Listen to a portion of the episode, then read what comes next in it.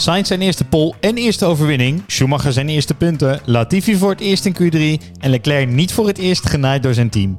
Kortom, wij moeten weer op heel veel van onze woorden terugkomen. Maar we doen eigenlijk niets liever. Welkom bij de Freds Podcast. You need to go, you need to go. Bottas is coming. The championship can only be won by one, and it's going Dutch. Mikey, blue flags. Even kijken hoe Tom die race beleefd heeft. Niet normaal. Niet normaal.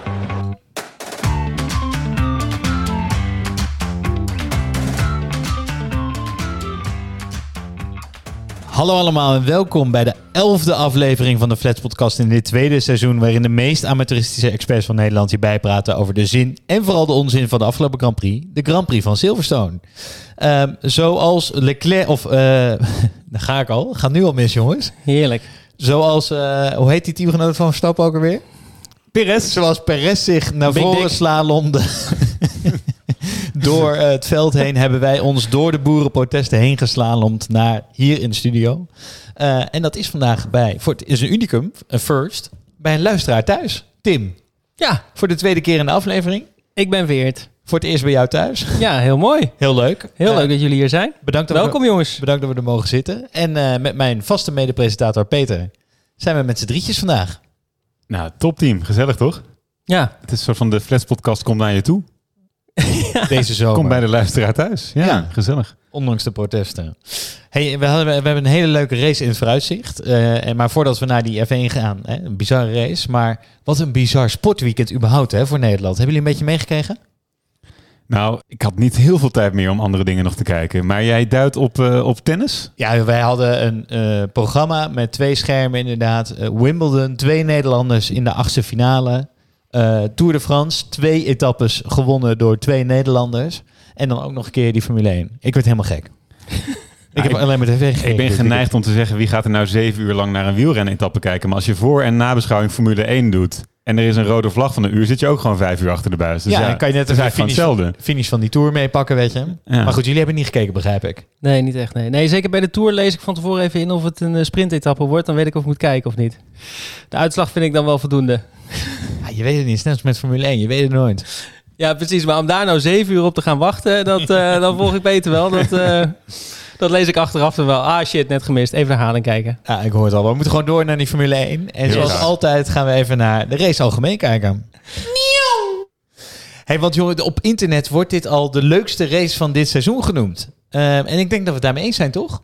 Mm, ja. ja, ik denk het wel. Ja, ik vond het wel eh, heel spannend. Ik heb wel echt genoten. Ja, het was een beetje een race zoals die van 2021 eh, ongeveer elke race was. Maar eh, dit, dit seizoen is heel leuk. Eh, vorig jaar was gewoon gekhuis.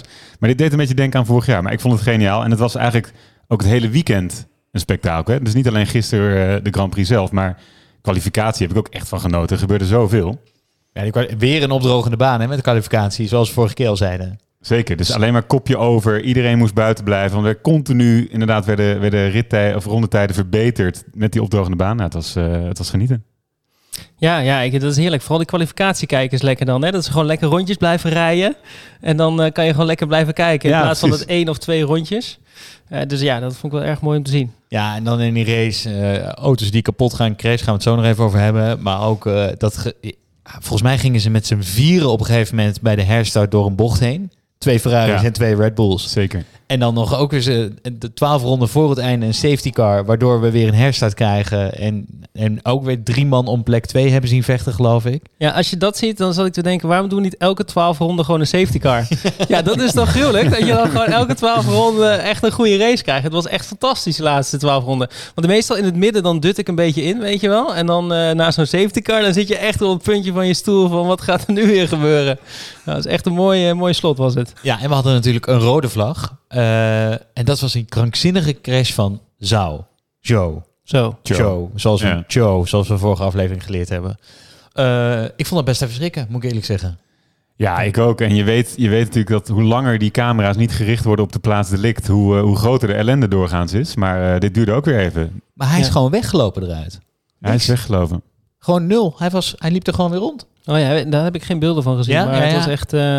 eh, Ja, je zag i- i- bij die, bij die, eh, na de start, zeg maar, zag je echt in, je, in de verte, zag je ineens die auto over de kop. Dat je denkt, oeh.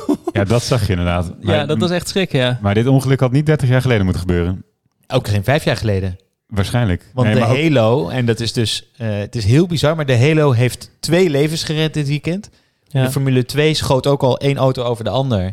En die had, ja, dat, dat beelden, die kunnen we misschien op de channel zetten, maar op de Instagram, die had hem sowieso onthoofd als er geen Halo was geweest, letterlijk. Klopt. En nu ook weer met show, ja, de rolbar gaan we het zo nog over hebben, was eraf. Die Halo heeft gewoon zijn leven gered. ja. Nee, maar los van de Halo 30 jaar, ik zeg het ook even omdat die auto die pakt natuurlijk ook nog even wat airtime voor die bandenstapel, gaat over die bandenstapel heen. En het is dat daar een hek staat. Maar er zijn natuurlijk ook races geweest dat er helemaal geen, geen hekken stonden achter bandenstapels en je gewoon recht het publiek ingaat met zijn wagen. Ja, Ja. Daar moet je er echt niet aan denken. Nee, en je bedenkt het ook niet, hè? Je, dat je denkt van, oh ja, zo'n bandenstapel, dat komt altijd wel goed. En dan zie je er eentje, eentje overheen vliegen. En dan staat er zo'n hek achter. denk je, zo, daar hebben ze toch over nagedacht dat dat ook nog een keer kan gebeuren. En het gebeurt gewoon. Het is echt, eh, echt bizar. En ik moet ook zeggen, ik ben toen, eh, vo- vorig jaar zijn we natuurlijk op Zandvoort geweest. Maar als zoiets gebeurt en je bent op de race zelf, dan, dan schrik je nog twee keer zo hard. Omdat je gewoon ziet hoe hard dat gaat. Veel meer geweld, hè? Veel meer geweld. Toen ging Russell er geloof ik een keer eh, rechtdoor. Nou, dat, dat stelde helemaal niks voor. Op tv zou je denken, nou dan gaat hij een keer rechtdoor. Maar echt de hele baan is dan stil. En eh, ja, je hoort die klap dan ook. Het is echt, eh, ja, met zo'n klap schrik je echt de pleuris als je daar zit. Ja, en ik zou je dus iets nog veel bizarder vertellen. Net voordat we live gaan zit ik te lezen. Eh, en dat is helemaal ondergesneden. Er, zijn, er waren demonstranten op de baan. Ja. Er waren zeven klimaatdemonstranten. Die zaten op een rechtstuk bij een uitkomen van een bocht. Als die crash niet gebeurd was van Zouw en er geen rode vlag was geweest, waren ze op een van de snelste punten van, het, van de baan, waren ze die zeven gasten tegengekomen die daar op de baan zaten en die marshals die ze eraf probeerden te trekken. Dat Ja. was een, een catastrofe geweest. Ja, ja. Ja, Dus er zijn nog veel meer levens gered. ja, ja, ja, precies. Ik vraag me dan, dan zit ik me toch even af te vragen, hoe ziet zo'n overleg onder demonstranten eruit? Van wat gaat eh, wie dit weekend doen? Hè? Iemand zin om naar een supermarkt te gaan, iemand zin om zich op het asfalt midden in het stadscentrum te lijmen. Op dat snelle Oh ja, stuk, en heeft dat iemand, snelle eh, stuk heeft iemand nog zin om dit weekend naar de Grand Prix van eh, in Silverstone te gaan en daar gewoon in bocht 1 of bocht 7 ronde 1 eh, met z'n zevenen te gaan zitten? Ik ben er helemaal Ja. knap Nou, maar ik zat dus wel te denken, dit is dus waarschijnlijk...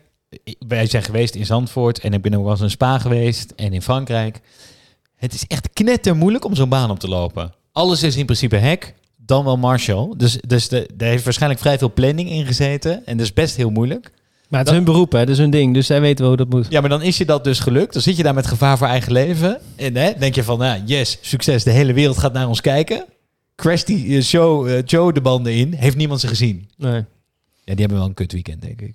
Ja. Maar goed, ze leven nog. Laten we Ja. het snel vergeten. Hey, zoals altijd gaan, we gaan wij kijken naar de uitslag van de race. Gaan we die van boven en onder langs. En eh, stoppen we even bij een paar coureurs die ons zijn opgevallen. En de eerste die we tegenkomen en waar we natuurlijk echt niet omheen kunnen... is de winnaar van de race, Carlos Sainz. Peter. Ja, en eh, jongens, voordat we hier de inhoud in gaan, moeten we natuurlijk wel echt even onszelf in de spiegel gaan aankijken. Want twee weken geleden hadden wij hier een discussie over.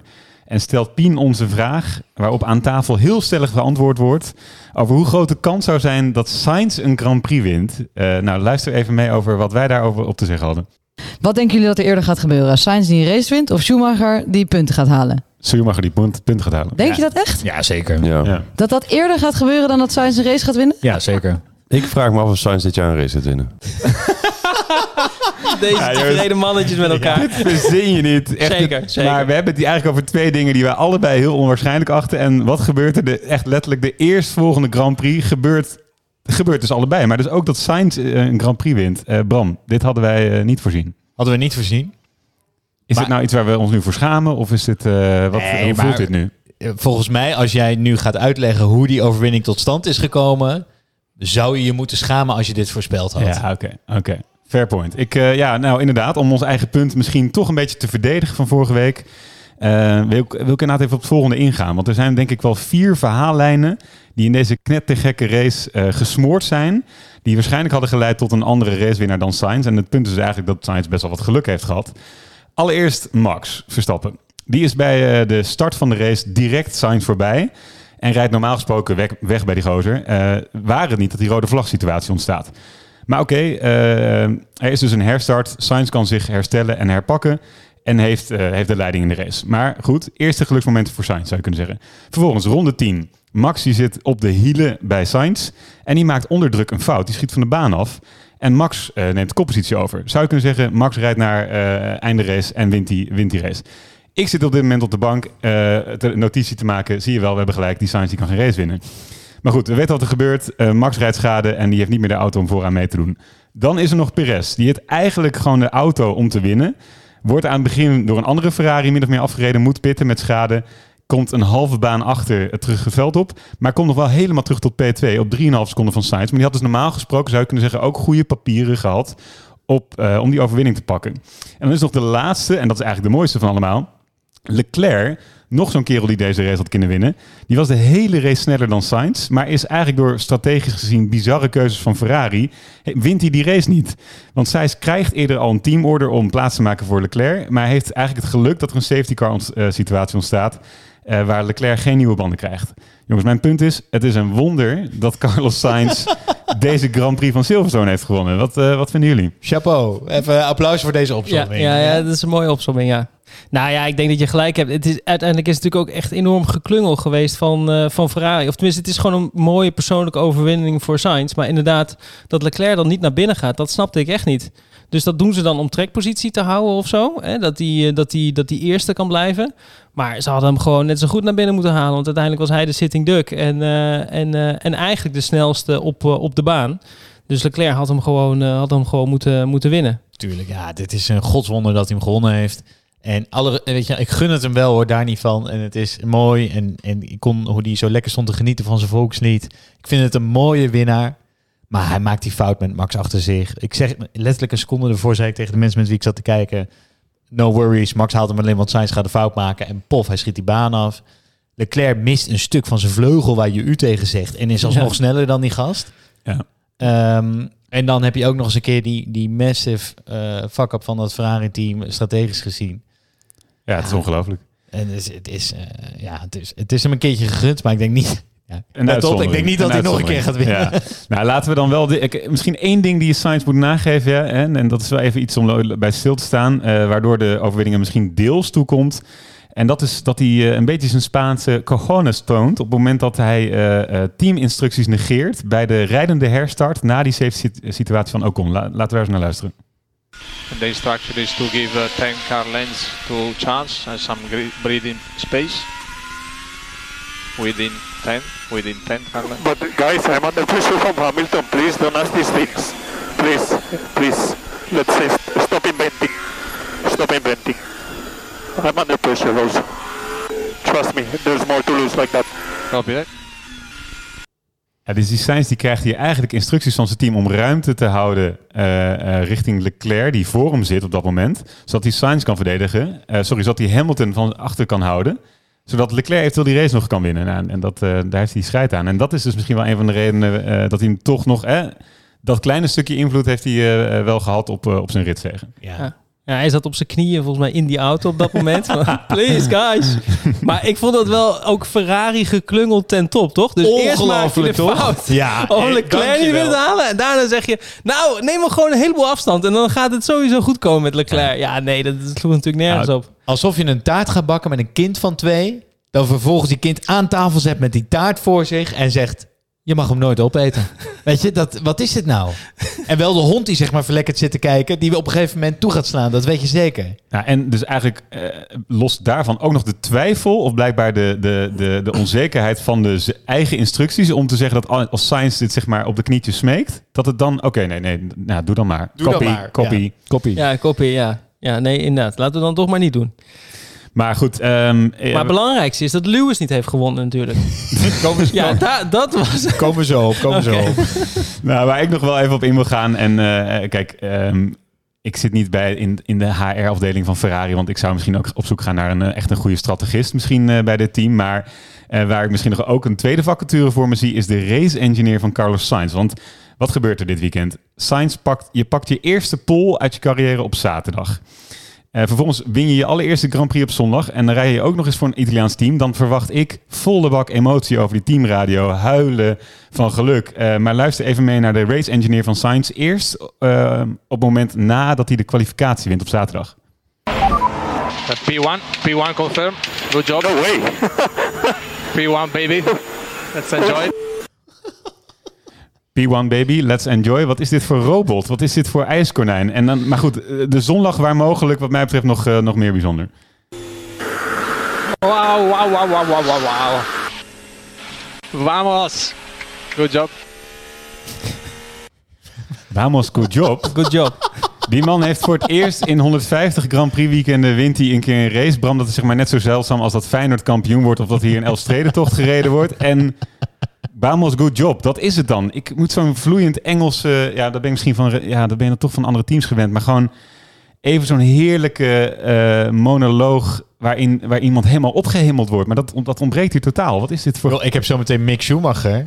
Eh, Dat is echt een wereld van verschil. Ja, Ja, maar ik denk ook dat Ferrari is natuurlijk al jaren bezig om dat kampioenschap weer een beetje binnen te halen. Die zijn echt met Leclerc bezig. Nou, er is niks van te zien eigenlijk. Daar, daar, nee, daar, daar, daar schijnt dit wel een beetje in door. Volgens mij, je zag daarna ook beelden dat Benotti even bij Leclerc kwam en even wat aan het uitleggen was. Nou, iets aan het goed Ik weet niet wat daar gezegd werd, maar zij weten ook wel dat ze een vak op hebben gemaakt. Dus ja. ik denk dat ze gewoon met hun hoofd alleen met Leclerc bezig waren. En wat Ja. natuurlijk heel sneu is voor, eh voor Sainz. Nou, in ieder geval zijn, zijn race engineers inderdaad niet eh, eh, Nee. beleerd over hoe je iemand gefeliciteerd. En Binotto stond ook niet bij het team te juichen hè, toen, eh, toen Ja, hij aankwam. kan toch Die stond niet? meteen bij Leclerc. Ja, Ja. Ja. goed, dus het, het is een beetje alsof ze zich ervoor schamen, ja. Ja, nou, we- laten we dan... We gaan ook nog over Leclerc hebben namelijk. Maar tussendoor eh, zien we verrassenderwijs... Lewis Hamilton. Die is op P3 geëindigd. Ehm, en we zagen hem dus op het podium in zijn thuisrace. En hij had er gewoon zin in, jongens, dit weekend. Hij kwalificeerde als vijfde, gewoon best of the rest. En hij stond dus echt als een volleerd kruimeldief, stond hij klaar om alles op te vegen wat Ferrari en Red Bull hebben laten vallen deze race. Ehm, en weet je wat ik zat te denken? Dit was het bewijs dat hij er klaar mee is. Wat? Oké, vertel. Nou, je, hij had er nu dus zin in. Dat is zijn thuisrace. En het is ook bekend, hè, het is echt zijn top drie eh, circuit. Misschien wel eh, zijn meest favoriete circuit om te rijden. En dan zie je dat hij dus de knop omzet en dat hij gewoon presteert. Nog niet mega natuurlijk, maar het maximale uit die auto trekt. Dan denk ik, ah ja, zie je nou wel, als je wil, dan kan het dus wel. Maar je wil gewoon niet in al die andere races. Nou, weet ik niet. Die auto lag wel een stuk beter. Of zoals ze bij Viaplay zei, ze, hij lag op rails, toch, die auto? Hij lag op rails. hij, hij het zag er een stuk bezig, beter uit dan, eh, dan voorgaande races, eh, vond ik wel. Er zijn ook allerlei upgrades geweest, geloof ik. Dus en volgens mij is dat hier ook wel eens gezegd van als hij een kans maakt, dan gaat hij er ook echt voor. En als hij het deed van nou, deze auto is niet fatsoenlijk genoeg, dan, eh dan, dan, dan, dan wacht hangt hij een beetje achter, achteraan. Precies. Dan hangt hij dus, en eh, we hebben natuurlijk Ja. die comment eerder gehad van, eh, moeten we de auto niet gewoon stoppen, jongens? Dat ik denk van, dat is echt de sportmanship op, Ja. op, op, de, op de low bottom wat je kunt krijgen. Maar ik denk dus dat, het, dat dit gewoon het bewijs was van, ja, eh, hij is er gewoon klaar mee. Ja, ik heb toch wel een beetje een ander gevoel. Eh, ik, ik heb wel het idee dat hij, eh, dat hij nog wil. En dat hij, en misschien terugkomende op mijn eigen opmerking in de vorige aflevering, hij schijnt inderdaad toch wel wat meer extreme op te zoeken in afstellingen om te testen, meer dan, dan Russell. Hij schijnt tot twee uur s s'nachts data-analyses mee te, te helpen doen. Ik, zin, ik zie toch nog wel de wil om, want hij heeft nog een eind, contract tot eind eh, 23, om toch nog eh, eh, een jaar te gaan knallen. En dat hij zich beseft dat dit het jaar is om die auto te ontwikkelen. Ja. Eh, dus ik weet niet of ik het ermee eens ben dat dit zeg maar eh, van zie je, hij kan het wel op Silverstone. Ik denk ja, Silverstone geeft hem een beetje extra eh, motivatie, maar ik denk toch wel dat hij eh, nog best wel veel eh, motivatie zit. Oké. Ja, ik, ik, ik denk dat hij ook nog in zijn achterhoofd heeft nog één keer het kampioenschap winnen. En dat hij zich richt nu al op 23. Ja. Dat, is zijn laatste, dat is het laatste trucje wat hij graag wil doen. En daarmee maakt hij zichzelf echt on, onsterfelijk. Ja, zou, zou kunnen. Ik, ik, eh, ik vond dit weekend al leuk voor hem. Hè, podium om thuisrace. Leuk. Ik denk Leuk ook voor hem. Ik denk ook goed gereden. Zeker ook na die herstart, aanvallend, agressief Ja. niet. En ik zou dus bijna zou je sympathie krijgen voor hem. En dat vind Nee. ik natuurlijk best lastig. Nee, helaas. Nee, dat niet. Maar inderdaad. Toen begon ik even weer de andere kant van dit weekend te bekijken. Dacht ik, oh, zie je wel, vuile viezerikken. Ehm want e- ten eerste begreep ik de jubelstemming helemaal niet rondom die upgrades. Er was een, eh, heel veel, eh, dat, dat gebeurt heel de tijd, dat Mercedes zo laat vallen dat ze misschien wel eens het gat gedicht zouden kunnen hebben. En eh, voorzichtig positief. Nou, dan kijk je naar de kwalificatie, staan ze gewoon nog steeds een volle seconde achter op de pole position. Het is echt heel veel. Dus er is helemaal geen gat gedicht, nul. Het is natuurlijk regen, maar Een toch. beetje re- ja, regenrace. Maar sympathiek zijn ze ook nog steeds niet. Dat je denkt van jongens, je bent een beetje teruggezakt, weet je wel, een toontje lager. Eh, Toto die heeft namelijk de quote gemaakt dat als Lewis een auto krijgt die een paar tienden langzamer is dan de rest, dat hij de race wint, omdat hij zo goed is. Toen dacht ik, toen aan terug aan vorig jaar dacht ik, nou, dat is gewoon aantoonbaar niet waar. Toen had je namelijk een gelijke auto en ben je geen wereldkampioen geworden, vriend. Ehm, maar er was met name een quote van Lewis na de race bij Sky Sport, die echt het bloed onder mijn nagels vandaan trok. Let op. It's tough. It was so tough today. I mean, Charles was uh, did a, a great job. Um, what a great battle. Um, very sensible driver. You, clearly a lot different to what I, we experienced last year. In like Cops, for example, two of us went through there no problem. You know. Dit is gewoon een directe sneer naar Verstappen. Ja. Hè? Want Kops vorig jaar is waar Lewis eh, Verstappen eraf tikte. En een penalty heeft gekregen. Nou, dat was een beetje mijn punt. Ik denk, Ja. vriend, jij bent gewoon bestraft door de steward. Het was jouw eigen fout. Ja. Daar hebben de stewards naar gekeken. En je had, je had er een veel te lage straf voor gekregen. Maar het was wel jouw fout. Dus los van het feit dat hij die sneer echt niet uit hoeft te delen... is het ook nog eens een keer heel erg onterecht. Nou, wat mij nog opviel is een ander dingetje. Want eh, Zo, die was natuurlijk eh, die, eh, die was eruit geknald. Ja. En Hamilton is altijd de eerste die dan daar een opmerking over maakt. Van ah, ik hoop dat het met hem goed gaat en zo. En dat deed hij nu ook na de interv- post-race interview. Mhm. En toen dacht ik, ja weet je, volgens mij heeft hij daar vorig jaar niks over gezegd. Dus ik heb dat interview nog eens een keer teruggekeken. Toen lag natuurlijk, was, Max was niet uitgestapt, weet je wel. Die moest naar het ziekenhuis. Die lag nog in het ziekenhuis. En hij maakte daar toen geen enkele opmerking over. En dit jaar dus wel, terwijl zo alweer uit het ziekenhuis was. dacht ik, ja, Precies. Dus we het is kunnen, toch wel een beetje een showtje hoor. Dat Lewis Hamilton show. we kunnen ze toch gewoon weer hartstikke onsympathiek en klootzakken vinden. En dan ben ik daar wel weer blij mee. ik was heel even bang dat ik mijn mening bij moest stellen. Maar ja, door hem was wel Tom Cruise er, dus dat was wel genieten. Ja, maar dat schijnt dus ook niet zo'n leuke vent te zijn. Oh nee, nee, nee. Maar goed, heb je die nieuwe film al gezien? Nee, nog niet. Ik ook nog niet. Hij ziet er wel goed uit voor zijn 60 eh Tom. Ja, maar Peet, ze hebben jou nog niet gezien als je 60 bent. Ja, oké, laten we even wachten. Nee, dat is waar. Hey, we gaan verder met de nummer 4, de treurige nummer 4 op de uitslagenlijst. En dat was Charles Leclerc. Ja, en we kunnen toch wel spreken van een vrij frustrerend weekend voor Charles Leclerc. Eh, want ondanks dat hij een van zijn mindere kwalificaties reed op zaterdag, had hij echt al een hele goede race op zondag. En wat ik mooi vond om te zien, hij was echt aan het knokken, opgestroopte mouwen aan het aanvallen. Bijvoorbeeld eh, bij Perez eh, begin van de race. Ehm, en ondanks die schade had hij toch een van de snellere auto's op de baan. Dus ook dat was een, een prestatie. En bovendien hè, eh, is al gezegd, was hij overduidelijk de snellere Ferrari van de twee. Eh, wat het team op een duivels dilemma bracht, gaan we Sainz vertellen dat hij zijn koppositie moet afstaan. eh, op weg naar zijn eerste overwinning ooit. Of gaan we ons richten op Leclerc, die optimaal kan profiteren van een aanstaand puntenverlies van Max? Nou, Leclerc zelf had daar wel een bepaalde mening over tijdens de race. What do I need to do mean, I'm, I'm fucking up my race now. Copy. I will come back to you. So scientist been told to push. Yeah, but then do something, please. I'm not. I'm not trying to influence my result. I'm just. I can't go faster, guys. Ja, dus voor de duidelijkheid, Leclerc zegt hier, ik ben sneller dan Sainz. Jullie verkloten mijn race door, door, door hem geen teamorde te geven. Wat denken jullie? Had hij hier een punt? Moet Ferrari inderdaad meer kleur bekennen en zijn nummer 1 in het klassement gewoon harder voor gaan trekken? Ja, Ja, denk ik wel. overduidelijk. Ja, joh, als je sneller bent met een halve vleugel. Sainz heeft nog geen, tot op dit moment hè, dat, dat hij hem wint, had nog geen deuk in een pakje boter gereden. Dit moet je toch gewoon wisselen. En de grap is, ze doen het ook vijf rondes later. Denk ik, ja, of je doet het wel, of je doet het niet. Maar als je het wel doet, moet je het meteen doen. En niet vijf rondes later.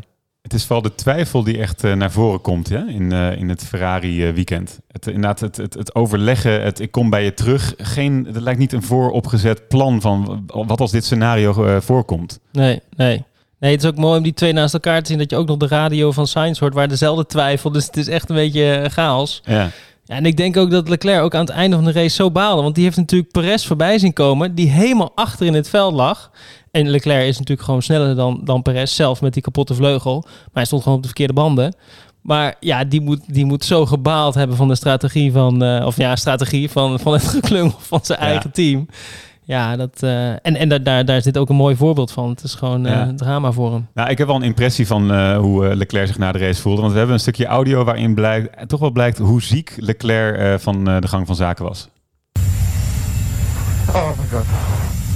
Only good thing about today is that Carlos won, but freaking hell. Guys. Anyway, enjoy the victory. Op dit moment zat hij in een vliegtuig. Ja, Op weg ja. naar huis. Op weg naar huis, dat was heel twee snel weg. Twee middelvingers eraan. Toedeledokie. Maar ik denk wel dat dit de reden was dat Binotto inderdaad niet bij die eh, ceremonie stond, maar hem stond op te wachten. Want deze man was echt vuur aan het spuwen uit. eh, zo aan het koken van woede. En terecht, weet je wat Binotto heeft gezegd? Waarom ze hem niet naar binnen hebben gehaald? Nou, Eh, hij zei, ja, er zat niet een groot eh, eh, genoeg gat tussen de twee auto's om allebei naar binnen te kunnen halen. Ja, waarom kies je dan voor Sainz? Precies. Wat een Keus. Mongolen. Ja, onvoorstelbaar toch? Ja. Nou, dit is inderdaad dat je twee, hè, dat je een verschillende strategie kiest met twee auto's aan kop. Dat is inderdaad volledig logisch. Eentje voor eh, track position buiten houden, de ander naar binnen. Maar inderdaad, je kiest de verkeerde. Je kiest de verkeerde. En wat ook heel bizar was, op de teamradio heeft Leclerc op een gegeven moment gevraagd, op het moment dat hij door had, dat er twee concurrenten achter hem zaten met nieuwe rode banden. Hoe lang zijn die rodere banden sneller dan mijn witte, die 15 ronden oud waren? En zei zijn team, dat duurt maar twee rondes. nou, die waren tot aan het eind van de race waren die rode banden sneller. Ja. Het was echt ongelooflijk. En wat is voor mij betreft mee- het verschil is, hè, even een vergelijking met vorig jaar, want dit is dus wel het concurrerende team van Red Bull. Dit is de bedreiging voor het kampioenschap van Max.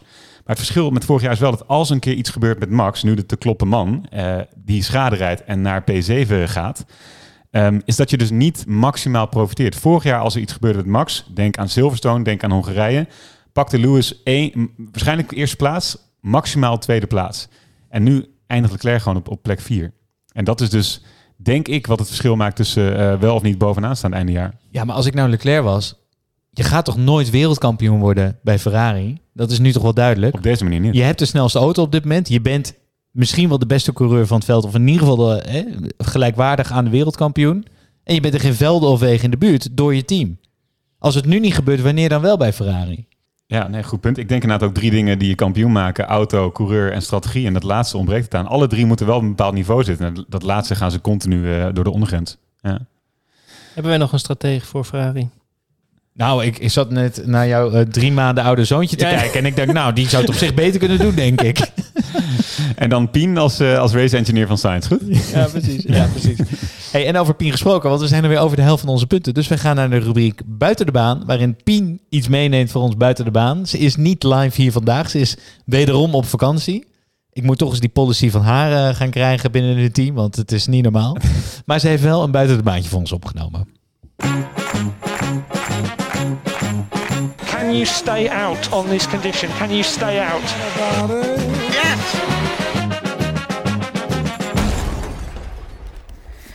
Ja, thanks. De, ehm, dan denk je op vakantie te gaan en dan zit je alsnog met hartslag 4000 voor de tv. Het is echt een hele mooie race. En er is niet alleen op de baan heel veel gebeurd, maar er is ook naast de baan heel veel gebeurd. Eh, want niet alleen in Nederland waren er boze boeren aan het protesteren, maar ook in Engeland. Ehm, en ik heb even opgezocht waarvoor dat was. Maar dat waren mensen die eh, tegen de Formule 1 aan het protesteren waren, omdat zij een slechte impact hebben op het klimaat. Vind ik een vrij, logische, vrij logisch verhaal. En die zijn inmiddels zijn er zeven daarvan gearresteerd. Eh, de coureurs hebben daarop gereageerd. Mede- En Hamilton en Vettel die hebben natuurlijk gezegd dat ze het helemaal eens zijn met de boodschap, maar dat ze de middelen misschien wat onverstandig vonden. Ehm, en wat eigenlijk een minder leuke buiten de baan is, maar wat wel als donkere wolk een beetje boven het weekend hing, is eigenlijk de opmerkingen van Nelson Piquet ehm, over Lewis Hamilton. En dan denk je, hé, hey, waarom is dit interessant en wie is ook weer Nelson Piquet? Want die naam komt me zo bekend voor. Dat klopt, dat is namelijk de schoonvader van Max Verstappen. Dan denk je, hmm, had Lewis Hamilton niet al een ingewikkelde relatie met Max, dan komt hier nog een factor die het lekker in- ingewikkeld maakt. Wat dat is, moet je maar even zelf googlen. Eh, maar goed, dit was natuurlijk eh, helemaal verschrikkelijk om het weekend mee in te gaan. En iedereen heeft zijn medeleven betogen, betuigd aan Hamilton. En eh, Nelson Piquet is in ieder geval flink gecanceld. Dus niet alleen Jos Verstappen, maar ook de schoonvader mag eh, niet meer zomaar in de paddock komen. En dat was toch eventjes wat ik jullie toch wilde meegeven. Nou, succes om eh, met een vrolijke noot verder te gaan. Doei! Nou, dat was de sfeer dan weer. hè? Dan moeten wij weer de sfeer gaan terugbrengen. Meestal brengt ze altijd de sfeer erin met iets leuks buiten de baan. Maar eh ja, maar goed. goede sfeertrekker. Relevante punten toch wel? Ja, Ja. relevante punten. Weet je wat, wat ik dus zelf zat te denken, ehm, terwijl ik aan buiten de baan dacht? Die hele discussie van de FIA over dat eh purposing, purposing, whatever, Mhm. is helemaal verdwenen weer. Mm, Ja, volgens Ja. mij zijn ze aan het testen toch of zo wat de... de Er heeft niemand een woord over gezegd. Nee. Twee weken geleden stond de wereld in de fik Ja. toen ze met die technical directive kwamen. Niemand nu.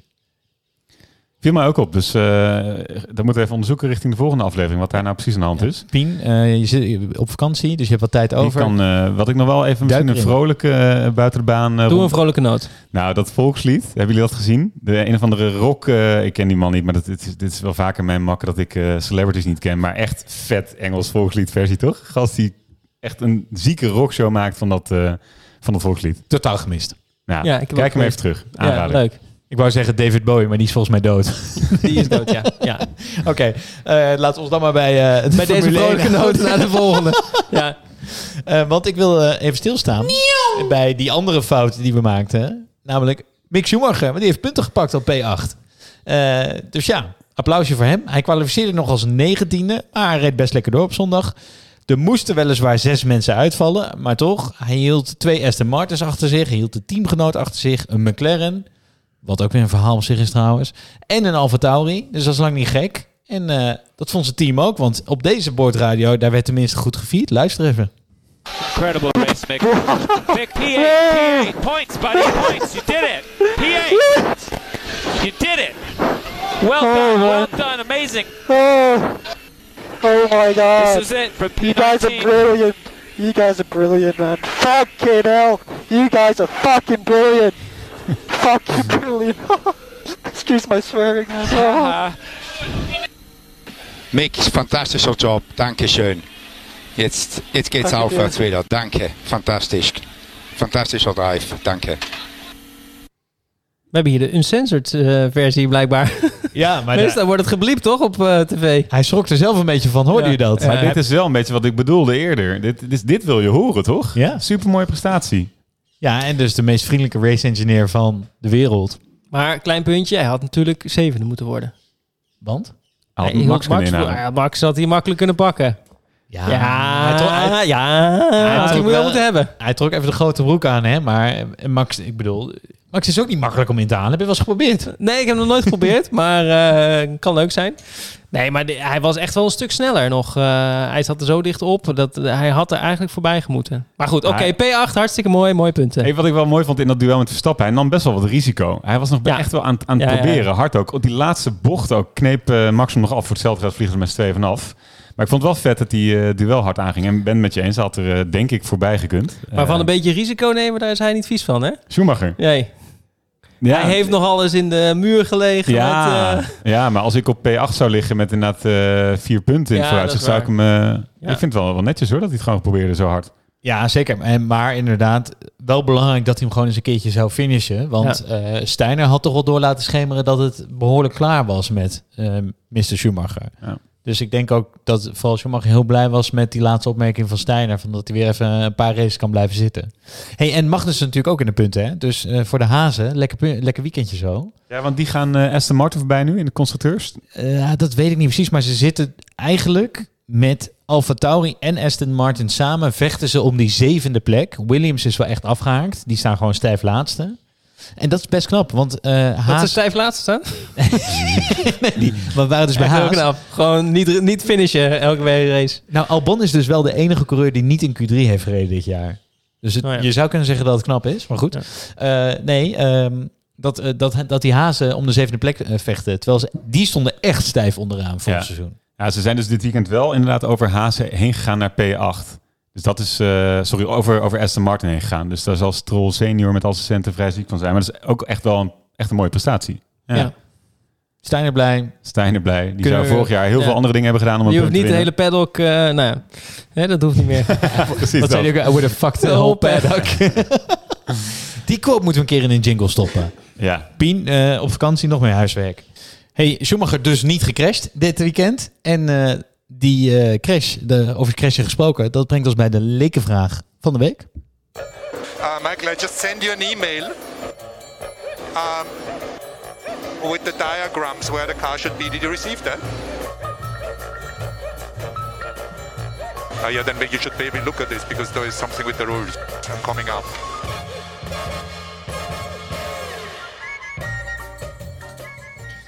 De lekenvraag van de week waarin Peter elke week voor ons een lekenvraag beantwoordt. En hij is er weer. Ehm, en Peter, eh, we, we kregen wat vragen binnen over de rollbar. Want die is dus blijkbaar afgebroken bij Cho. Waardoor de Halo eh, eigenlijk echt zijn leven heeft gered. En er wordt nu wel wat over gesproken dat dat niet had mogen gebeuren. Maar wat is die rollbar? Wat doet die precies? En waarom is het zo gek dat die afbreekt? Ja, nou, dus misschien eerst even goed om eh, het verschil eh, te maken met de Halo. Hè. Dus de Halo, dat is eh, de ronde titanium beugel rondom het hoofd van de coureur. Die is ontworpen om te voorkomen dat er grote dingen zoals een band, een vangrail of een auto tegen het hoofd van de coureur aankomen. De rolkooi, inderdaad, ik had er ook nog niet eerder van gehoord. Die is voor nog iets meer ontworpen, zou je kunnen zeggen. Die moet namelijk beschermen op het moment dat een coureur met zijn auto omslaat bij een ongeluk. En die moet het gewicht van de volledige auto kunnen dragen om het hoofd van de coureur te beschermen. En zorgen dat hij ten alle tijde ook uit die auto kan stappen. En daar zit nu inderdaad precies een beetje de discussie. Want je ziet op die foto's, als die auto uit, de, uit die vangrail wordt gehaald, dat de halo nog wel intact lijkt. Maar die hele rolkooi, dat hele stuk wat inderdaad achter de helm van de coureur zit, daar zit die ingebouwd. Ja, dat is gewoon totaal afgeschaafd, af, afgeveegd, zo lijkt het. Eh, dus daar denk ik, ik denk dat we daar nog wel meer over gaan horen. Dus eigenlijk heeft die Halo iets gedaan wat hij eigenlijk helemaal niet voor hoe had hoeven doen. Ehm, nou, hij lijkt in ieder geval het gewicht van de auto te hebben gehouden, als ik het zo zag. Ja. Nou, dat is lang niet gek. Ja. Oké, hey, en wie ook nog wel eens een keer zo'n rolkooi nodig zou kunnen hebben in de toekomst, is Nicolas Latifi. En die komen we tegen op P13. Ja, jongens, de hele Formule 1-wereld op zijn kop dit weekend. Want Sainz wint zijn eerste Grand Prix. Mick Schumacher pakt zijn eerste punt. En als klap op de vuurpijl gebeurde er zaterdag iets wat misschien nog wel meer bizar is. Nicolas Latifi, toch wel echt wel een beetje de nieuwe Nikita Mazepin van dit seizoen qua prestaties. Die bracht het eh, in de, de kwalificatie tot Q3, de laatste ronde van de kwalificatie op zaterdag. Eh, en wat die prestatie misschien nog wel meer bijzonder maakt, is dat hij dat deed in een auto zonder updates in vergelijking met Albon, die wel met nieuwe updates reed. Dus hij werd geacht langzamer te gaan. En hij was dus eh, de snellere van de twee en, eh, en startte zondag vanaf eh, P10. Dus wat dat betreft, eh, en misschien zeg ik dat wel voor de enige keer dit seizoen, credits eh, aan Latifi. Tim, wat vind jij hiervan? Nou ja, het was eh, zijn eerste en misschien laatste kans om punten te halen. Dat is niet gelukt. Ja, terwijl hij inderdaad in de race, in de race heeft hij nou nog wel eh, een beetje kun, Ja, geknopt P8 met, eh, tijdje, ja, ja. en nog met Nick op eh, P10 gestreden, maar uiteindelijk geëindigd op P12. Ja, het is altijd wel lachen om te zien, toch? Zo'n Latifi die dan zo'n eh, Q3 binnenrijdt. En dat die hele paddock die knalt uit elkaar. dat ze een keer de Q3 hebben gehaald. Ik vind dat wel mooi om te zien. Ja. Maar ehm, ja, nou ja, goed. Ja, eh, fantastisch toch voor hem. Zeker. Ja. En, maar wil jij hem houden voor de content of wisselen om een goede coureur erin te hebben? Eh, ja, ik zou hem sowieso wisselen om een goede coureur erin te hebben. Ja, dat is eh, denk ik wel de beste optie voor het team. Voor de podcast daarentegen zou ik hem sowieso houden. Ja, want toch? het levert hele goede content. nou, ik vind, dus, nou, ik vind hem minder. En weet je, wel, Yuki is dus ook alles keihard aan het verkloten. Yuki heeft dus drie Red Bull auto's eh, onschadelijk gemaakt Ja. hè, in de race. Die heeft Ja. zichzelf tegen eh, zijn teamgenoot aangeparkeerd en dat stukje carbon daar reed Max overheen. Ja, ja, dat is niet best. Ja, Yuki, eh, sinds kort eigenlijk matige streak. Want hij begon nog wel oké aan het seizoen, maar eh, dit is, nou, het gaat eh, de verkeerde kant op nu. Ja, en, eh, maar die vind ik dus meer een karikatuur. Daarvan denk ik, hou die, dan, hou die dan voor de content en dan Latifi eruit voor iets snels. Nou was Yuki volgens mij wel een beetje geschrokken dat zijn maatje zo, eh, Joe in de, in de kreukels lag. Maar goed, het mag geen excuus zijn. nee. Ja, je zou zeggen, eh, ze krijgen ervoor betaald om gewoon te gaan racen. Maar die Yuki krijgt ook nog geen pepernoot betaald. Ja, die krijgt inderdaad eh, volgens mij echt het minimumloon. Die krijgt echt het wisselgeld van Helmut Marco eh, van de supermarkt. Krijgt hij als loon uitgekeerd. dat is echt zo. Maar goed. Hey, eh, voordat wij gaan kijken naar de Grand Prix van volgende week alweer, luisteren we nog één keer naar de terugblik van, of de column eigenlijk van Dichter Luc in de rubriek Dichterop.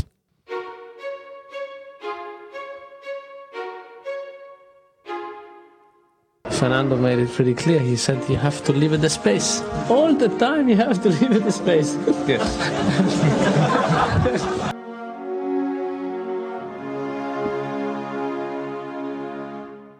Silverstone. Normaal gezien is het daar God Save the Queen, maar dit weekend was het de Halo Save Chow. Wat zou er gebeurd zijn als hij niet... Nee, nee, niet over nadenken. Nieuwe start, nieuwe band, gordel en racen. En na een paar ronden lijkt Silverstone golden te worden voor Max. Slipstream, DRS en er langs. Het is als een kat in het bakje, vizier op de winst uitrijden wordt een makkie. Maar zo makkelijk als het klinkt en rijmt, rijmt dat niet met de wagen. En hoe of waarom moet je mij niet vragen. Downforce weg en het podium lijkt uit zicht. Mission impossible. De koers wacht op niemand en Voor het eerst doet Max mee, maar doet hij niet mee. En de rest van het peloton zit daar eigenlijk ook niet mee. En dit weekend is het geen gele trui, maar een gele vlag, waarna Leclerc op versleten wit het sprinttempo bepalen mag. En dan gaat het snel, dat weet ik wel. Kop over kop houden de mannen elkaar van de winst. Aanvallen met het mes tussen de tanden, verdedigen met beide ellebogen. Resultaat? Sainz knijpt er tussenuit en is gevlogen. Poef, weg! Op weg naar zijn eerste goud. Verdiend, respect en simpelweg goed gedaan. Maar hoe is het met Max gegaan? Die race ook met het mes tussen de tanden om P7. De wonderen zijn de wereld nog niet uit. Het was een mooi weekend. Ja, jongens, en dan rest ons eigenlijk alleen nog maar de vooruitblik naar de Red Bull Ring in Oostenrijk. Volgende week alweer. Zin in? Ja, mooi. Wat is het ook alweer, die Red Bull Ring? Nou, ik, eh, zal ik hem gewoon even aftrappen? Ja, dus wat wil jij meegeven aan onze luisteraars over die race? Ja, nou ja, vorig jaar hebben we daar twee races gehad. Dat was natuurlijk eh, eh, luxe alom, want er zitten nogal wat Nederlanders daar, als, als we het hebben over fans. Eh, het is een snel circuit, aantal scherpe bochten, low-speed bochten. eh mixed, denk ik, nodig in de afstelling eh, voor de technische luisteraars. Eh, er zit daar een beroemde bocht 2, waar kun je vrij goed inhalen. Eh, er is daar nogal wat discussie geweest vorig jaar rondom die bocht 7, waar Perez eh, er buiten werd gedrukt door Norris. En later drukte Perez zelf twee keer Leclerc in de grindbak. Dus er zijn daar best wel wat, eh, wat grindbakken waar je nogal makkelijk ingaat als je ergens buitenom in wilt halen en, en je voorganger je weinig ruimte geeft. Daarnaast is het op 700 meter hoogte. is altijd wat meer harde, hè, wat harder werken voor de motoren. Ehm, en ja, we hebben daar ooit wel hele mooie duels gezien tussen, tussen Verstappen en Leclerc. Dat was 2019 volgens mij. Lang niet gek, Peet. Ja. Ja. Iets met rechte stukken en bochten, lijkt me leuk. Ik heb er zin in. ja, ja, net zoals Bernard. Ja, precies. Ja, hey, en eh sprintrace. Ja, ze sprintrace. Oh, ja. Dus eh, daar, daar kijk ik absoluut niet naar uit, moet ik zeggen. Jij bent tegen de sprintrace, hè? Ja, maar het is nu toch Maar dan ook heb je gewoon nog een race. Is toch wel leuk? Ja, maar we hebben nu toch twee heerlijke kwalificaties gezien. En die gaan we dan toch niet zien volgend weekend? Op vrijdag. Op vrijdag heb je dan kwalificatie. Ja, maar die boeit dan weer Hoe minder. waren de trainingen voor jou? Ja, die vond ik wel leuk eigenlijk. nee, ja, Die eerste, heb je dan minder. die eerste training is helemaal, heeft iemand niemand gereden, toch? Ja, ja nee, niet echt. Nee, Nee, dat, oké, dat, dus- dat, die, dat was eh, een Nee, voor mij is een sprint, ik blijf erbij, het is gewoon een verlenging van de race. Gewoon een hele lange rode vlag situatie. Maar je komt toch voor de race uiteindelijk? Ja, oké, maar dus, Ja, dus ik heb heb liever... lange race, dat is leuk. ja, dat is waar. Het is natuurlijk wel zo dat als zo'n circuit je ligt, en we moeten maar even kijken of dat dit jaar met die nieuwe waas nog steeds zo is voor Red Bull, maar dan is de keuze voor waar precies zo'n sprintrend weekend wordt gepland, is dan toch weegt wel zwaar. Want je, er zijn echt veel punten te verdienen dit jaar in die sprintrace, hè? Tot, tot negen punten geloof ik, tot tien. Acht, acht Of punten acht. voor de winnaar. En moet je nagaan. Dus als zo'n circuit hier ligt, Red Bull, let even op, ja, dan kun je gewoon harder uitlopen in zo'n weekend. Dus Ja, en normaal is dit circuit echt een kolfje naar de hand van Verstappen. Ja. Hij heeft hier met overmacht al een paar... En dit was ook de race waarin hij toen van Pol startte, terugviel naar P7 en alsnog die race won. Ja, toen bij de start had hij Ja. zo'n hele moeilijke start. Ja. Eh, nee, het, het ligt hem. Hij vindt deze baan waanzinnig. Eh, die op, op hoogte eh, gaan die Red Bull motoren draaien ook lekker, normaal gesproken. Ja, ik het vind is, het ook nog steeds wel een beetje ongewis wie nou de beste auto heeft. We zeggen de hele tijd Ferrari. Maar eh, nou ja, om allerlei redenen eh, verliezen ze een aantal eh, races. Maar ik vind het vorig jaar was het vrij duidelijk, weet je wel. Rechte stukken, dan is het, eh, was het eh, Mercedes, geloof ik. Veel bochten is het Red Bull. Dit jaar blijft het een beetje fluide voor mij. Ja, we kunnen ook nooit vergelijken, omdat die Ferrari-gasten blijven verneuken. Dus we, Ja. we hebben Ja, nooit dat- een eerlijke vergelijking. ja, het is natuurlijk wel zo dat de, de topsnelheid van Red Bull eh, dit jaar in menige race hoger heeft gelegen dan bij de concurrentie. Ja, maar Ehm, in Baku was dat weer weg. ja, Ja. omdat ze hem denk ik anders hebben afgesteld toen. En topsnelheid is hier dus niet zo belangrijk. En ze hebben toch heel veel moeite om die pole te pakken ook. Ja, ja, dat maakt dus niet zoveel uit dit jaar. Nee. Ehm, Ja, maar wacht even trouwens, hè. Eh, daarover gesproken. Want Sainz heeft natuurlijk die pol gepakt, leuk voor hem. Maar Verstappen kon zijn laatste rondje niet rijden hè, door Leclerc. Want die spinde voor hem. Ja. Ah, dat was die gele vlag. Ah, Ja. Ja, ja, ja, ja. Ja, en het is natuurlijk eigenlijk een van de vier eh, thuisraces eh, van het jaar voor Max, hè? Dus Zandvoort is een thuisrace, eh, Monaco is een thuisrace. Eh, je zou kunnen zeggen dat Silverstone in zekere zin voor Red Bull als team. Nou, is niet, ja, Nee. kom ik nu Zo- vandaan met een hoezo vier? Silverstone? Oostenrijk, laat ik in ieder geval zo zeggen, ziek van Nederlanders. Dat is eigenlijk het punt wat ik wilde Nee, maken. maar Spa en. Spa, Spa. Spa. oh ja, het is Vergeet elkaar Spa. wel. Ja, oké. Ja, nee, je hebt gelijk. Maar hier zitten wel heel veel... Ik zou er best wel een keer naartoe willen. Ik vind het altijd wel echt mooi uitzien. Hey, die Nou, oranje ja. zee daar in, de in de Groene Bergen van Oostenrijk ziet er top uit. Nou, dus is er een luisteraar die Peter kaarten wil helpen voor komend weekend? Let us know. Ja, ik kan. Ja. Ik ben beschikbaar. ik ga graag mee. Ja, mailen naar ttudert.gmail.com. En dan eh, zeker als je twee kaartjes hebt. Ja. Ja, kijk uit hè, dat jij zomaar je e-mailadres eh, aan heel Nederland nu vertelt. Oh ja, ik knip het eruit. Ja. Nou, dat denk ik niet. Oh nee, nee. Vooral die beter. fanmail van jou. Ja. We gaan daarmee wel afsluiten. Eh, Tim, heel veel dank dat, we, dat je A erbij was. Maar B dat het ook bij jou hier mocht plaatsvinden. Ja, graag gedaan. Leuk. Eh, doe je volgende keer weer mee? Nou, graag. Of een volgende keer? Nou, heel Zeker, gezellig. Top. Eh, voor iedereen die zit te luisteren, heel vriendelijk dank voor het luisteren. Je kunt ons volgen via Instagram op Fletspodcast F1. Daar eh, delen we ook weer wat media en content die relevant zijn in deze aflevering. Weet je, zo gaat dat allemaal op elkaar ingrijpen. Dus kom tot zien, volg ons. En wij zien jullie heel graag volgende week bij de Grand Prix van Oostenrijk. Aju! Ja, ja. Bye.